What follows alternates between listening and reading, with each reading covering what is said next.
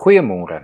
Ek lees vanoggend vir ons Lukas 2 vanaf vers 8 tot en met vers 20 voor.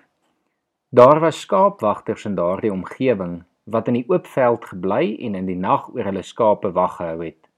Met een staan daar 'n engel van die Here by hulle en die heerlikheid van die Here het rondom hulle geskyn. Hulle het baie groot geskrik. Toe sê die engel vir hulle: Moenie bang wees nie, want kyk, Ek bring vir julle 'n goeie tyding van groot blydskap wat vir die hele volk bestem is.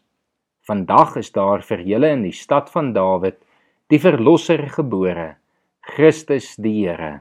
En dit is vir julle die teken: julle sal 'n kindjie vind wat in doeke toegedraai is en in 'n krib lê.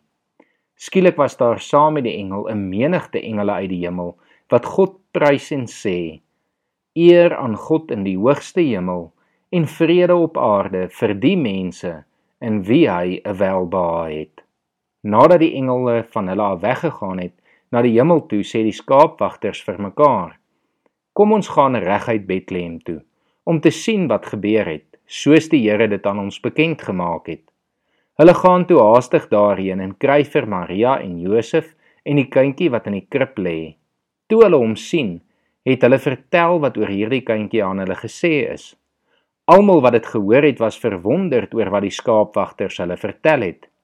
Maria het alles wat gesê is onthou en telkens weer by haarself daaroor nagedink. Die skaapwagters het toe teruggegaan terwyl hulle God loof en prys oor alles wat hulle gehoor en gesien het. Dit was alles net soos dit vir hulle gesê is. Ons lees tot en met sover. Skaapwagters was nie meer goeie mense in die tyd van die Nuwe Testament nie.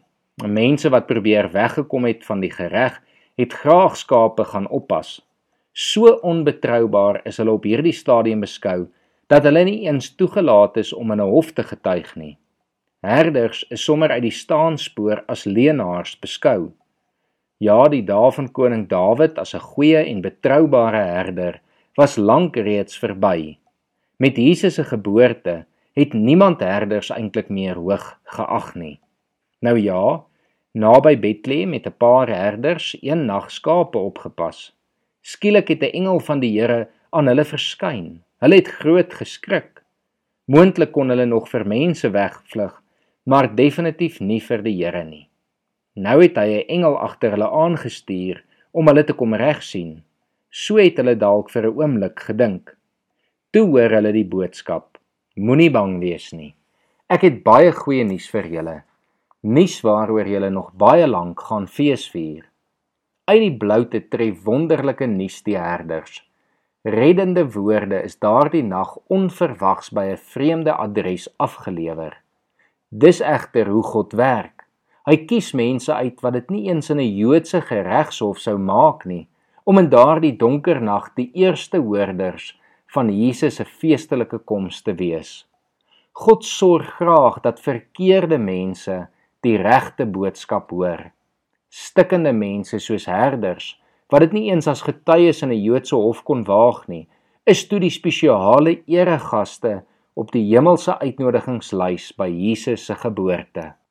Wie weet, dalk moet jy ook vandag by hierdie uitgesoekte groepie eregaste aansluit.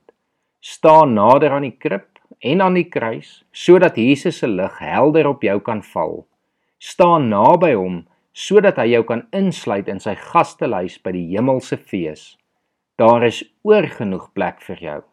Wat 'n goeie rede om bly te wees en te begin feesvier. Kom ons bid saam.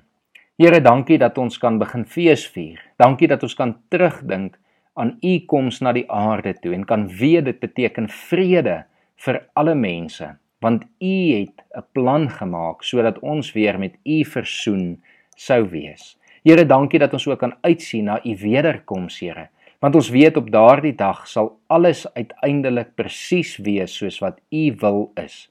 Here, daarom streef ons ook nou al reeds daarna en kom vra ons dat u ons sal help, Here, om hierdie naweek, hierdie Kerstyd, Here, u te verheerlik en terug te dink aan hoe wonderlike God U is, hoe lief U ons het en dat ons U sal loof en prys elke oomblik van elke dag. Amen.